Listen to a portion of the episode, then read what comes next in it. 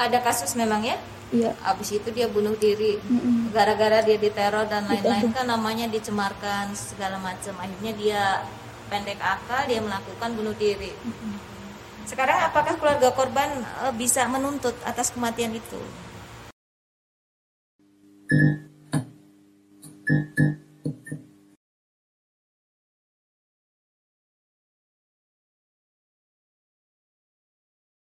Halo Sobat Peristiwa, selamat datang di, Di Peristiwa Podcast.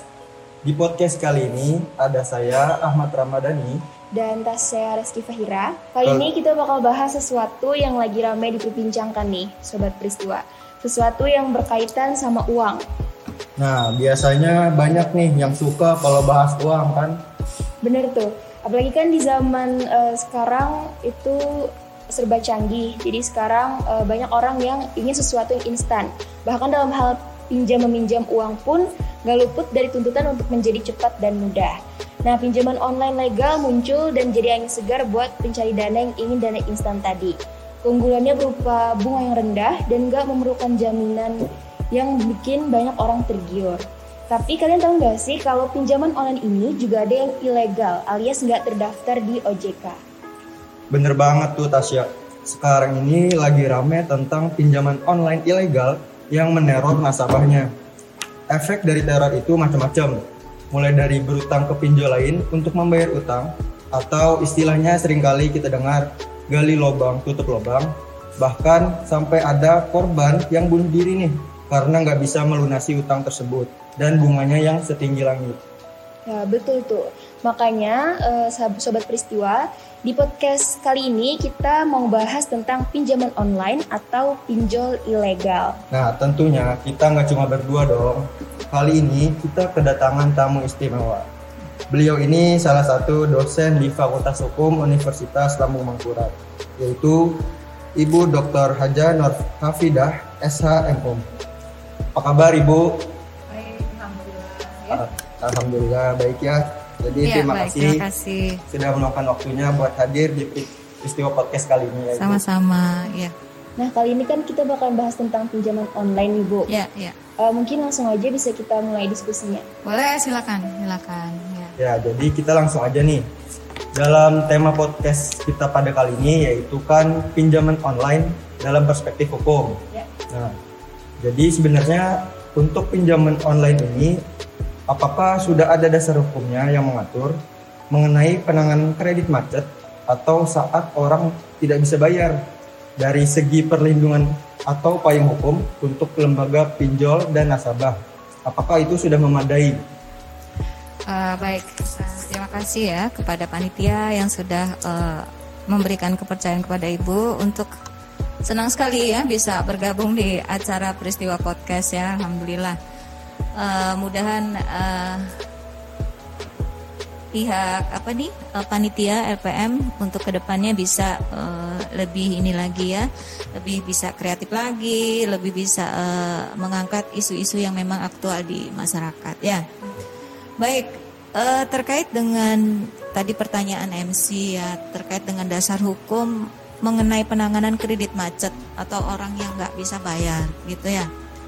Kalau kita eh, kredit macet ini kan istilah kebanyakannya kan dari ini ya, apa eh, di bank ya. Kalau kita pinjam uang di bank gitu ya. Betul. Kalau kita tidak bisa melunasinya kan dikatakan kredit macet. Ya. Nah, istilahnya itu kalau di dunia perbankan kredit yang mengalami masalah itu eh, istilahnya adalah non performing loan gitu ya. Nah, itu memang ada ada ada suatu mekanisme yang yang apa ya kalau bisa ibu sampaikan itu memang ada satu mekanisme yang akan dilalui apabila memang ada kredit yang macet. Berbicara payung hukumnya, berbicara payung hukumnya juga ada ya. Payung hukumnya pertama kalau kita lihat di dalam Undang-Undang Perbankan, Undang-Undang Nomor 7 Tahun 92, kemudian ada ada juga pada Undang-Undang Nomor 10 Tahun 1998 tentang perubahan Undang-Undang Nomor 7 Tahun 1992 tentang perbankan. Ya. Nah, di samping itu di situ di dalam undang-undang itu dikatakan bahwa eh, apabila terjadi suatu permasalahan, bank di sini bisa melakukan suatu apa ya? Kalau bisa ibu sebut sih bahasanya kita bisa melakukan suatu hal yang disebut dengan 3R, ya. Itu ada yang disebut dengan uh, reschedule, ya. Di uh, reschedule itu penjadwalan kembali, kemudian ada yang disebut dengan reconditioning, artinya uh, apa? Suatu hal yang di penyusunan kembali, begitu ya. Habis itu uh, restructure restructuring gitu. Ya. Jadi kalau di dalam eh, perbankan itu ada surat ininya apa uh, apa yang saya sebutkan tadi ada reschedule ada reconditioning sama ada restructuring tadi itu ada dasar hukumnya yaitu kalau di bank ya itu ada surat SEBI SEBI nomor 23 tahun 2000 eh, tahun 1991 jadi udah lama SEBI itu singkatan dari Surat Edaran Bank Indonesia. Jadi kalau di bank ada kredit macet, ya ada kredit macet, maka itu nanti harus melakukan hal yang tadi ibu sudah ibu sampaikan yaitu reschedule, reconditioning sama restructure lagi di restruct ya. Nah kalau dipinjol Nah, sebagaimana yang eh, kita diskusi minggu lalu ya, di pinjol itu sependek pengetahuan ibu sih ya. Karena ibu belum pernah pinjol nih ya. Cuman ada beberapa kerabat aja yang sudah eh nggak kerabat sih.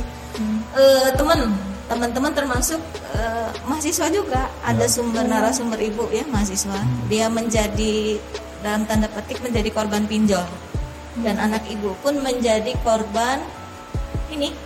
Korban apa? Korban orang yang diteror. Karena dia mencantumkan nomor uh, anak ibu ini uh, sebagai orang yang bisa dihubungi. Ya sekarang kan minta data tuh. Akhirnya ditulis namanya ya kalau dipinjol se uh, sependek pengetahuan ibu ya karena ibu ini mohon maaf sepertinya tidak tidak dilakukan ini deh 3R sebagaimana yang dilakukan oleh bank ya kan? Karena mereka kalau terlambat sehari saja, ini berdasarkan pengalaman juga, data di lapangan yang ibu dapatkan, kalau sehari tidak bayar nanti dendanya besok dua kali lipat. Ya, misalnya hari ini dia dia dia utang satu juta, bayarnya tiap hari sepuluh ribu gitu ya, sepuluh ribu atau lima puluh ribu. Nah nanti dendanya itu sepuluh persen, eh seratus persen. Jadi kalau hari ini nggak bayar 50 nggak bisa bayar 50 maka dia didenda 50 jadi berapa tuh? Jadi 100 ribu kan ya? Nah, 100 ribu hari ini dia nggak bayar. Besok dia nggak bayar lagi juga. Dia juga nggak bisa bayar besok ya.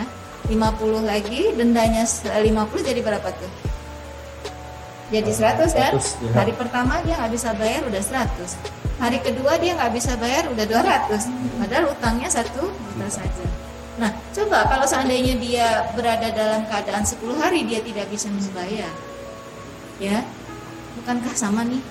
Jadinya utang sama dendanya kan jadi sudah sama-sama satu juta kan ya. Hmm. Nah, itulah yang akhirnya ntar kalau dia nggak bisa bayar, nggak bisa bayar, nggak bisa bayar lagi, ini akhirnya numpuk.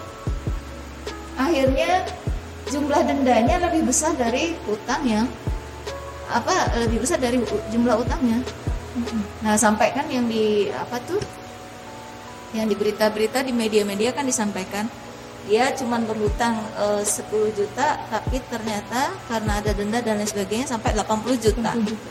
E, akhirnya dia bunuh diri kan ya. ya. Nah, itu yang yang keadaan yang sebenarnya. Jadi kalau seandainya e, tergantung ibu ibu pikir ibu pikir ya itu akan tergantung daripada pinjol yang bersangkutan kan ini mekanisme yang ada di dalam hmm. di dalam apa di dalam pinjol itu sendiri ya. begitu. Iya, demikian sih. Jadi seperti kita ketahui nih di kredit macet tadi kan ada mekanisme yang dilalui di ya, bank ya, di perbankan yang ya, di perbankan. yaitu 3R tadi yaitu Betul, schedule, reconditioning, dan restructuring. Ya, nah, sedangkan restructuring. untuk di pinjol tersendiri itu tidak ada 3R yang seperti tadi sependek pengetahuan ibu ya. ya ibu kurang tahu siapa tahu ada ya mm -hmm. siapa tahu ini ibu ya, jadi yang menimbulkan denda atau bunganya itu yang terus meningkat ya kan ya kalau hmm. tidak bayar ya, ya mereka kalau tidak bayar mereka akan seperti itu kadang malah tidak disampaikan loh hmm. uh, kepada ini kalau yang narasumber yang pernah ibu wawancara itu pada waktu saudara pinjam uang ibu bilang ya ini dikasih tahu nggak? Ntar kalau nggak bayar ntar dendanya bunganya sekian sekian sekian. Nggak ada tuh bu katanya gitu. Dia cuman eh, dia apa eh, tahapan yang dia lalui itu dia cuman foto foto dirinya sama KTP-nya di samping kan gitu ya. Sudah habis itu dia mengisi formulir nggak lama setelah itu dihubungin eh nggak berapa lama uangnya masuk rekening dia Nah, udah masuk kan, artinya kan udah pinjam nih, dikasih satu juta. Nah, terus karena sesuatu dan lain hal, mungkin dia tidak bisa membayar, akhirnya eh, apa dua hari dia tidak bisa membayar, eh terus ini dah dilakukan penagihan-penagihan Penagihan. dengan cara yang tidak patuh, kan Ya. seperti itu. Nah, jadi kalau untuk yang narasumber yang ibu sampaikan itu eh, di antaranya itu mereka mengatakan tidak pernah dihubungi oleh pihak pinjal untuk melakukan seperti tadi. Misalnya ngomong-ngomong dulu kayak kita gitu ya. "Eh, tolong dong ini diperbaharui saya kan sedang covid misalnya nggak bisa bayar gitu-gitu ya. Nah ternyata menurut sumber yang ibu wawancarai itu nggak ada yang seperti itu. Tidak ada yang teknis seperti layaknya bank gitu. Ya Eh, mungkin lanjut ya Bu. silakan Kalau untuk alasan nih Bu atau penyebab munculnya pinjaman online ilegal ini, apakah perizinan ke OJK itu terlalu sulit untuk menjadi pinjaman online legal atau ada alasan lain? Oke, baik. Kalau alasannya alasan yang ini ya kalau kita pakai bahasa sosial nih, kebutuhannya tinggi. Iya kan menguntungkan nih. Iya kan? Pinjaman eh, mengapa ada pinjaman ilegal? Contoh ya, pinjaman ilegal. Pinjaman ilegal itu kalau kita artikan legal dan ilegalnya itu berdasarkan pada pendaftaran, ya. Berarti yang dinamakan pinjaman pinjaman online atau kita singkat pinjol aja ya. Pinjol. Nah, pinjol legal itu adalah pinjol yang mendaftarkan dirinya ke OJK, OJK, Nah, melalui tahapan-tahapan tertentu yang sudah ditetapkan oleh OJK. Itu legal. Tapi kalau yang ilegal, kita sebagai orang hukum kan artinya adalah sebuah pinjol yang tidak mendaftarkan diri kan begitu. Kebalikannya ya. Ya. Kalau dia mendaftarkan diri berarti dia dikatakan legal. Legal. Kalau dia tidak mendaftarkan diri dikatakan dia Ilegal. ilegal. Nah, sekarang kalau muncul alasan muncul alasan pinjol ilegal itu kenapa, Bu? Bahasa Ibu sih gini aja gampangannya ya. Pasar membutuhkan. Ya enggak? Sekarang kan sudah cari uang susah. Nah, kemudian kalau kita mau pinjam uang nih ke bank atau ke lembaga, eh kalau kita pinjam uang ke bank juga ribet ya. Masa pinjam uang satu juta ke bank? kita kan hanya butuh misalnya eh, satu juta nih, ya. Masa kita harus ke bank? Kan enggak ya? Nah, lebih-lebih lagi nih pangsanya orang, eh, pangsanya mereka-mereka yang pinjam apa? pinjam online ini, eh sorry, pinjol ilegal ini kan, mohon maaf nih kebanyakan yang kayak kita kita nih ya, yang pengen butuh uang cepat, nah gitu, jadi instan begitu tanpa ini, nggak mikir panjang juga kan, lebih-lebih lagi mohon maaf masyarakat yang mungkin tidak tersosialisasi dengan baik, banyak ya yang mereka itu mungkin ya kita kasihan juga mereka tidak punya wawasan tentang itu gitu ya, ada juga kan di masyarakat begitu. Contohnya misalnya si A mengabari, eh kita pinjam uang di sana aja, online cepet, nggak pakai agunan, nggak pakai jaminan, iya kan? Nah sementara mereka butuh uang nih, siapa yang nggak mau ya nak ya? Siapa yang nggak mau ketika eh, butuh uang ada yang menyediakan memberikan jasa, memberikan pinjaman cepat, Cepat, cepat instan. pula ya instan, nggak perlu ribet, nggak perlu ini. Nah, siapa yang nggak mau? Nah, nah oleh karena itu kalau kita berbicara persyaratan sebagai pinjol yang legal itu apakah susah? Ibu rasa sih tidak ya. Saya ibu rasa tidak. Tidak terlalu susah ya. Ada ada memang ada beberapa persyaratan. Misalnya mereka mengajukan ini, mengajukan apa? Eh, membuka website OJK, kemudian memenuhi persyaratan ditetapkan OJK, kemudian nanti OJK akan eh, memvisitasi perusahaan pinjolnya itu di mana, ya keberadaannya itu diketahui. Ya sudah, menurut ibu nggak terlalu susah sih ya. Nah ini karena mengapa timbulnya ilegal? Banyak yang ilegal bu? Nah itu dia, ya kadang kebutuhan pasar ini jadi saling apa ya? Pengaruh mempengaruhi. Begitu banyak yang mau pinjam uang ya sudah kita kasih begini. Tapi itu tadi yang eh, banyak yang mahasiswa eh kok mahasiswa? Banyak masyarakat yang lupa bahwa ada risiko terkait kalau kita melakukan pinjaman online yang ilegal. Ah begitu kiranya. Mm-mm. Oke Berarti bisa dikatakan kalau sebenarnya untuk eh, perizinan itu tidak terlalu sulit ya, Tidak, tapi ya. untuk kebutuhan pasar ibu rasa sih oh, oh, ya yang membuat jadi butuh dana cepat, Iya, ah, kan praktis. masyarakat juga yang Iya, ini ya. Ah, ah, ah, ah. Pengaruh terbesarnya masyarakat butuh uang. Iya, Sekarang ada orang yang mungkin kelebihan uang membuka perusahaan itu gitu ya. Apalagi kan sekarang kita di tengah masih di situasi pandemi yang Ya, banyak orang kehilangan kerja. banyak kehilangan pekerjaan, sementara kebutuhan ekonomi kan ya nggak bisa ditahan ya. Betul, Nah, betul. biasanya nggak bisa ditahan. Baik. Mungkin kita lanjut nih.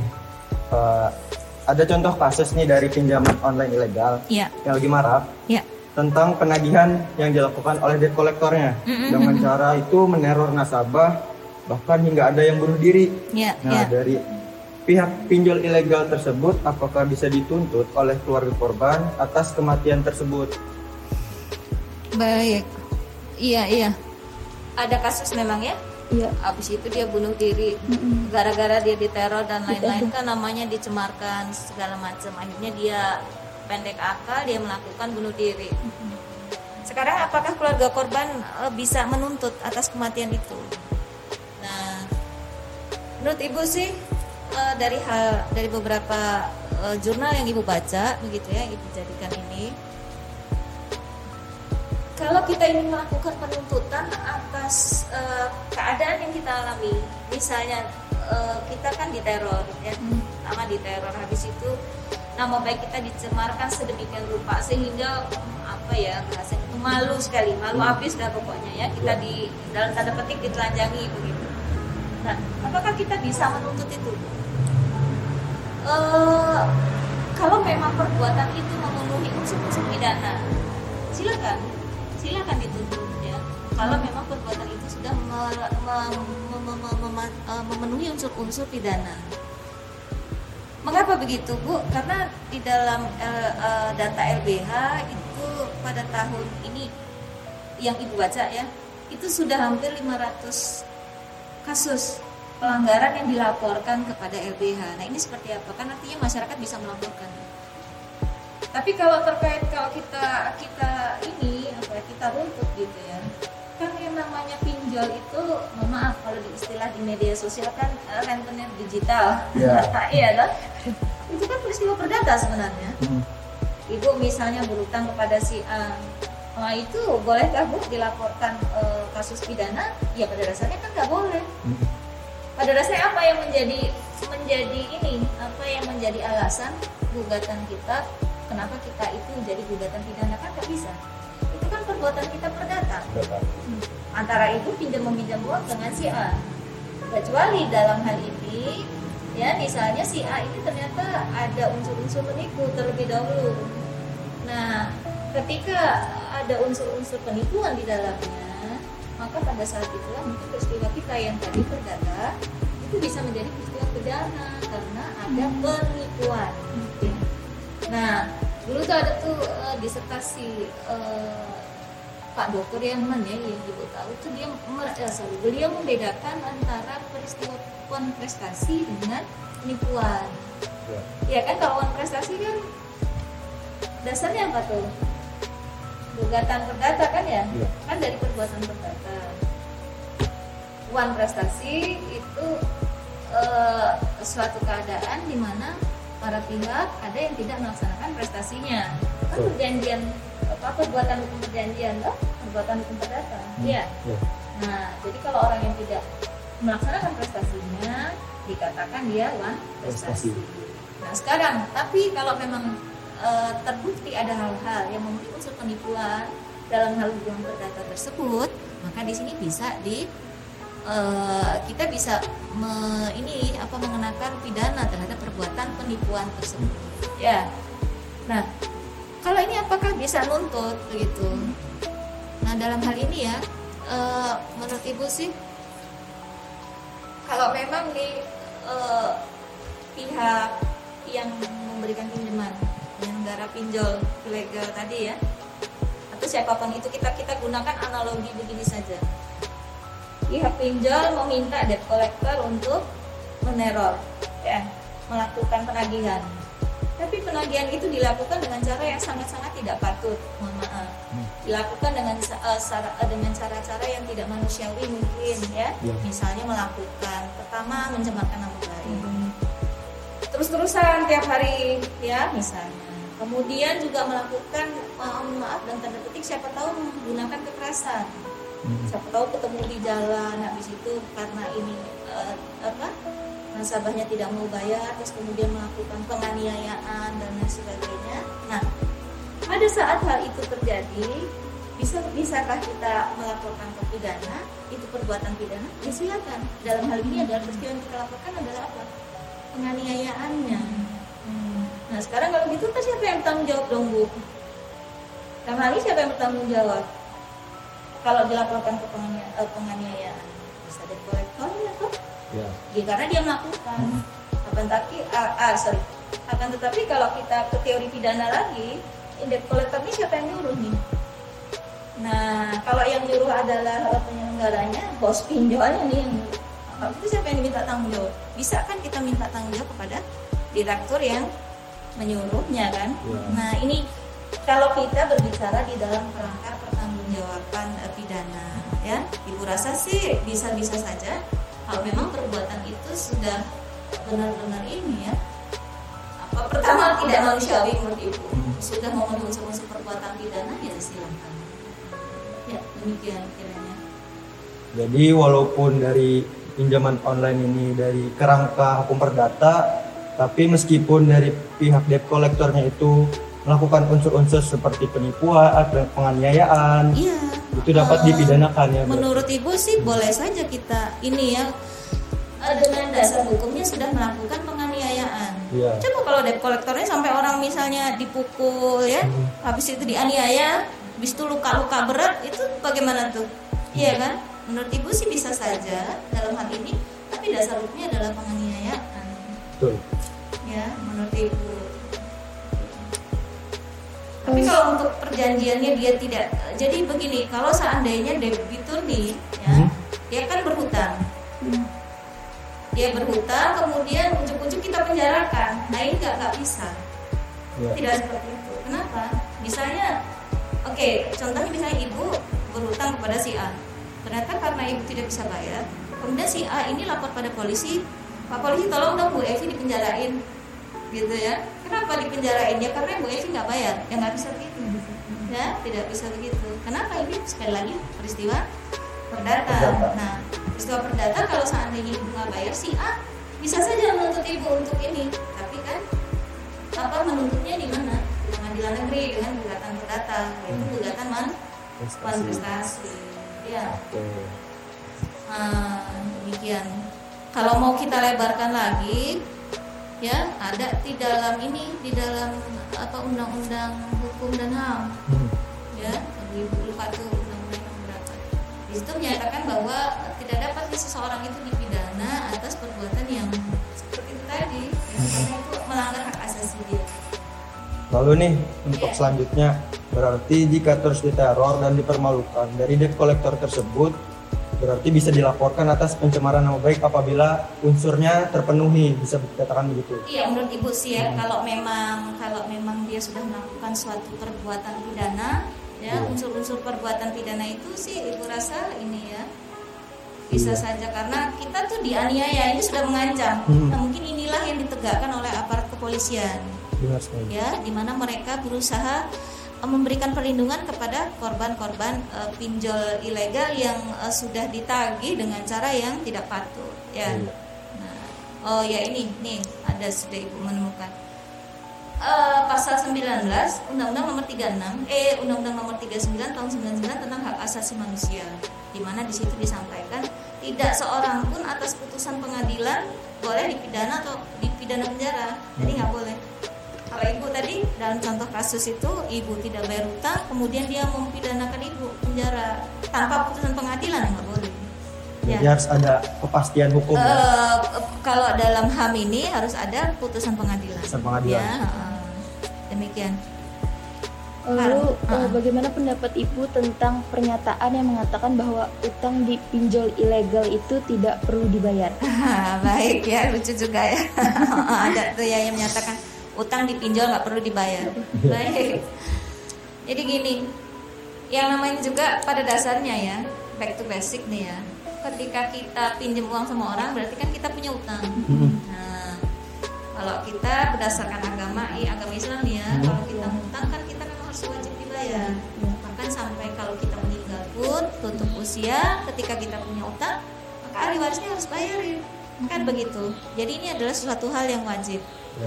Mengapa harus eh, dibayarkan? Ya karena itu supaya eh, di alam eh, kita tidak terhalang dan lain sebagainya kan, yang namanya juga utang. Nah, kalau pinjaman ilegal itu tidak perlu dibayar, ibu rasa sih begini ya. eh, kalau pinjamannya itu misalnya cuma satu juta, terus denda sampai puluhan juta. Nah ini menurut kalian ini kalian sendiri tuh, kalau seandainya mengalami hal itu, apakah akan membayar atau enggak? Oh iya. Mau bayar? Mungkin tapi agak sedikit kesulitan ya. ya mungkin seperti di awal tadi gali lubang tutup Gali lubang. lubang tutup lubang kan Iya. ya. Nah, oke. Jadi bagi apa eh, pendapat yang menyatakan eh, hu- piutang ilegal itu tidak tidak perlu dibayar, satu sisi ada benarnya juga, satu sisi juga eh, nggak benar juga ya, namanya juga utang. Mengapa demikian? Karena hal itu sebenarnya sudah disadari oleh para pihak yang minjem ini udah udah udah tahu gitu ya. Akan tetapi kalau yang narasumber yang ibu eh, wawancara itu? Dia bilang "Eh, saya nggak tahu bu. Kalau memang ternyata dendanya banyak sekali. Kalau tahu begitu saya nggak mau pinjem. Karena kan eh, apa sistemnya apa ya eh, apa ya menyusahkan. Alih-alih menyelesaikan masalah malah kita dapat masalah kan ya? Masalah utang eh, dengan pinjaman online oke sementara bisa bisa teratasi karena kita pinjam ya Iya. oke untuk keperluan itu kita bisa ini tapi untuk sesudahnya Hmm. Nah kan jadi jadi musibah tuh. Iya. Jadi beban Jadi tambahan. beban tambahan. Nah di samping itu pula, kalau bagi mereka yang nggak setuju tuh, kalau hutang tadi misalnya 10 juta harus bayar 100 juta apa lebih gitu ya, ya itu kan riba. Hmm. Ya, nah melakukan riba ini yang sebenarnya tidak diperbolehkan. Nah seharusnya sih harus ada ini ya, ada ada ya pembicaraan terlebih dahulu gitu. Yang idealnya. Mungkin penyelenggara pinjol juga ngapain sih? Kasihan orang ya. Ngutang cuman misalnya eh, 10 juta tapi kenapa harus dibayar 100 juta? Kan ini hal-hal yang tidak benar begitu. Menurut ibu sih demikian ya. Hmm. Jadi menurut ibu nih untuk penyelesaian yang tepat seharusnya dilakukan jika sudah terlanjur berurusan dengan pinjaman online ilegal itu bagaimana? Nah, ini dia ya. Penyelesaian yang tepat itu sebenarnya sih kalau kita ini ya win-win solutionnya. Win-win solution sebenarnya. Di sini diharapkan eh, para pihak ini bisa ada itikat baik ya di antara antara para pihak baik yang pinjam maupun yang ngasih. Seharusnya di antara mereka ada itikat baik. Kalau semua dilaksanakan berdasarkan tanggung jawab moral, ini ibu berbicara idealisnya ya, ini. Maka eh, kalau memang nasabah ini tidak bisa bayar, ya silahkan. Tadi cara-cara yang ditempuh oleh bank di dalam menyelesaikan kredit macet, menurut ibu itu patut ditiru tuh untuk pinjol-pinjol ya, supaya mereka tidak terlalu hubungi dulu nasabahnya seperti apa, kesulitannya di mana. Jangan main eh, apa ya, mereka langsung main saja Hmm. begitu penagihan pun juga ada yang mereka berdalih mena- melakukan penagihan dengan cara-cara yang baik mereka bilang begitu tapi di sini debiturnya yang sosok nggak mau dihubungi bisa kan itu ada juga ya. Mungkin tidak semua eh, pinjol eh, melakukan penagihan dengan cara yang tidak patut. Mungkin ibu cara mungkin. Mungkin sepersekian apa gitu ya. Nah dalam hal ini pun juga kita tidak bisa menutup uh, ini juga ya bahwa ada pula di kenyataannya di masyarakat debitur itu yang agak susah juga begitu ya. Hmm. Ketika mungkin dia udah nggak bayar satu bulan nggak bayar, dia menghilang tuh. Ya ada juga dia menghilang nggak bisa dihubungi dan lain-lain dalam tanda petik kan debitur nakal. Iya. Nah mungkin di sini debt collector lah atau yang tim penagihan ini mungkin gemes juga kali ya menghadapi debitur yang nakal gitu dalam tanda petik. Nah akhirnya mungkin udah deh pakai pakai cara kekerasan aja. Mungkin dengan ancaman dan lain-lain yang kebanyakan itu bisa membuat debiturnya takut gitu ya. Hmm. terutama debitur yang mohon maaf uh, tidak melek hukum. Hmm. nah ya kan? Biasanya kalau begitu begitu diancam aja mau polisi kan kita udah takut.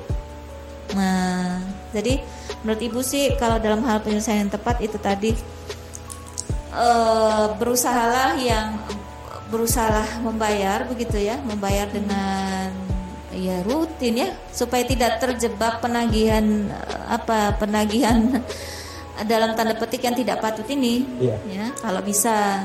Kemudian juga dari pihak pinjol pun juga ya setidaknya ada adalah unsur uh, keadilan mungkin yang bisa mereka pertimbangkan mengapa debitur ini jadi tidak bisa bayar mungkin mereka bisa tatap muka dan lain sebagainya atau lewat ini.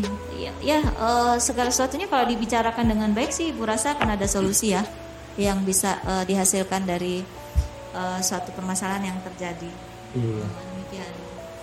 Uh, jadi mungkin terakhir nih kira-kira dari ibu sendiri ada nggak sih tips untuk membedakan pinjaman online yang legal dan yang ilegal?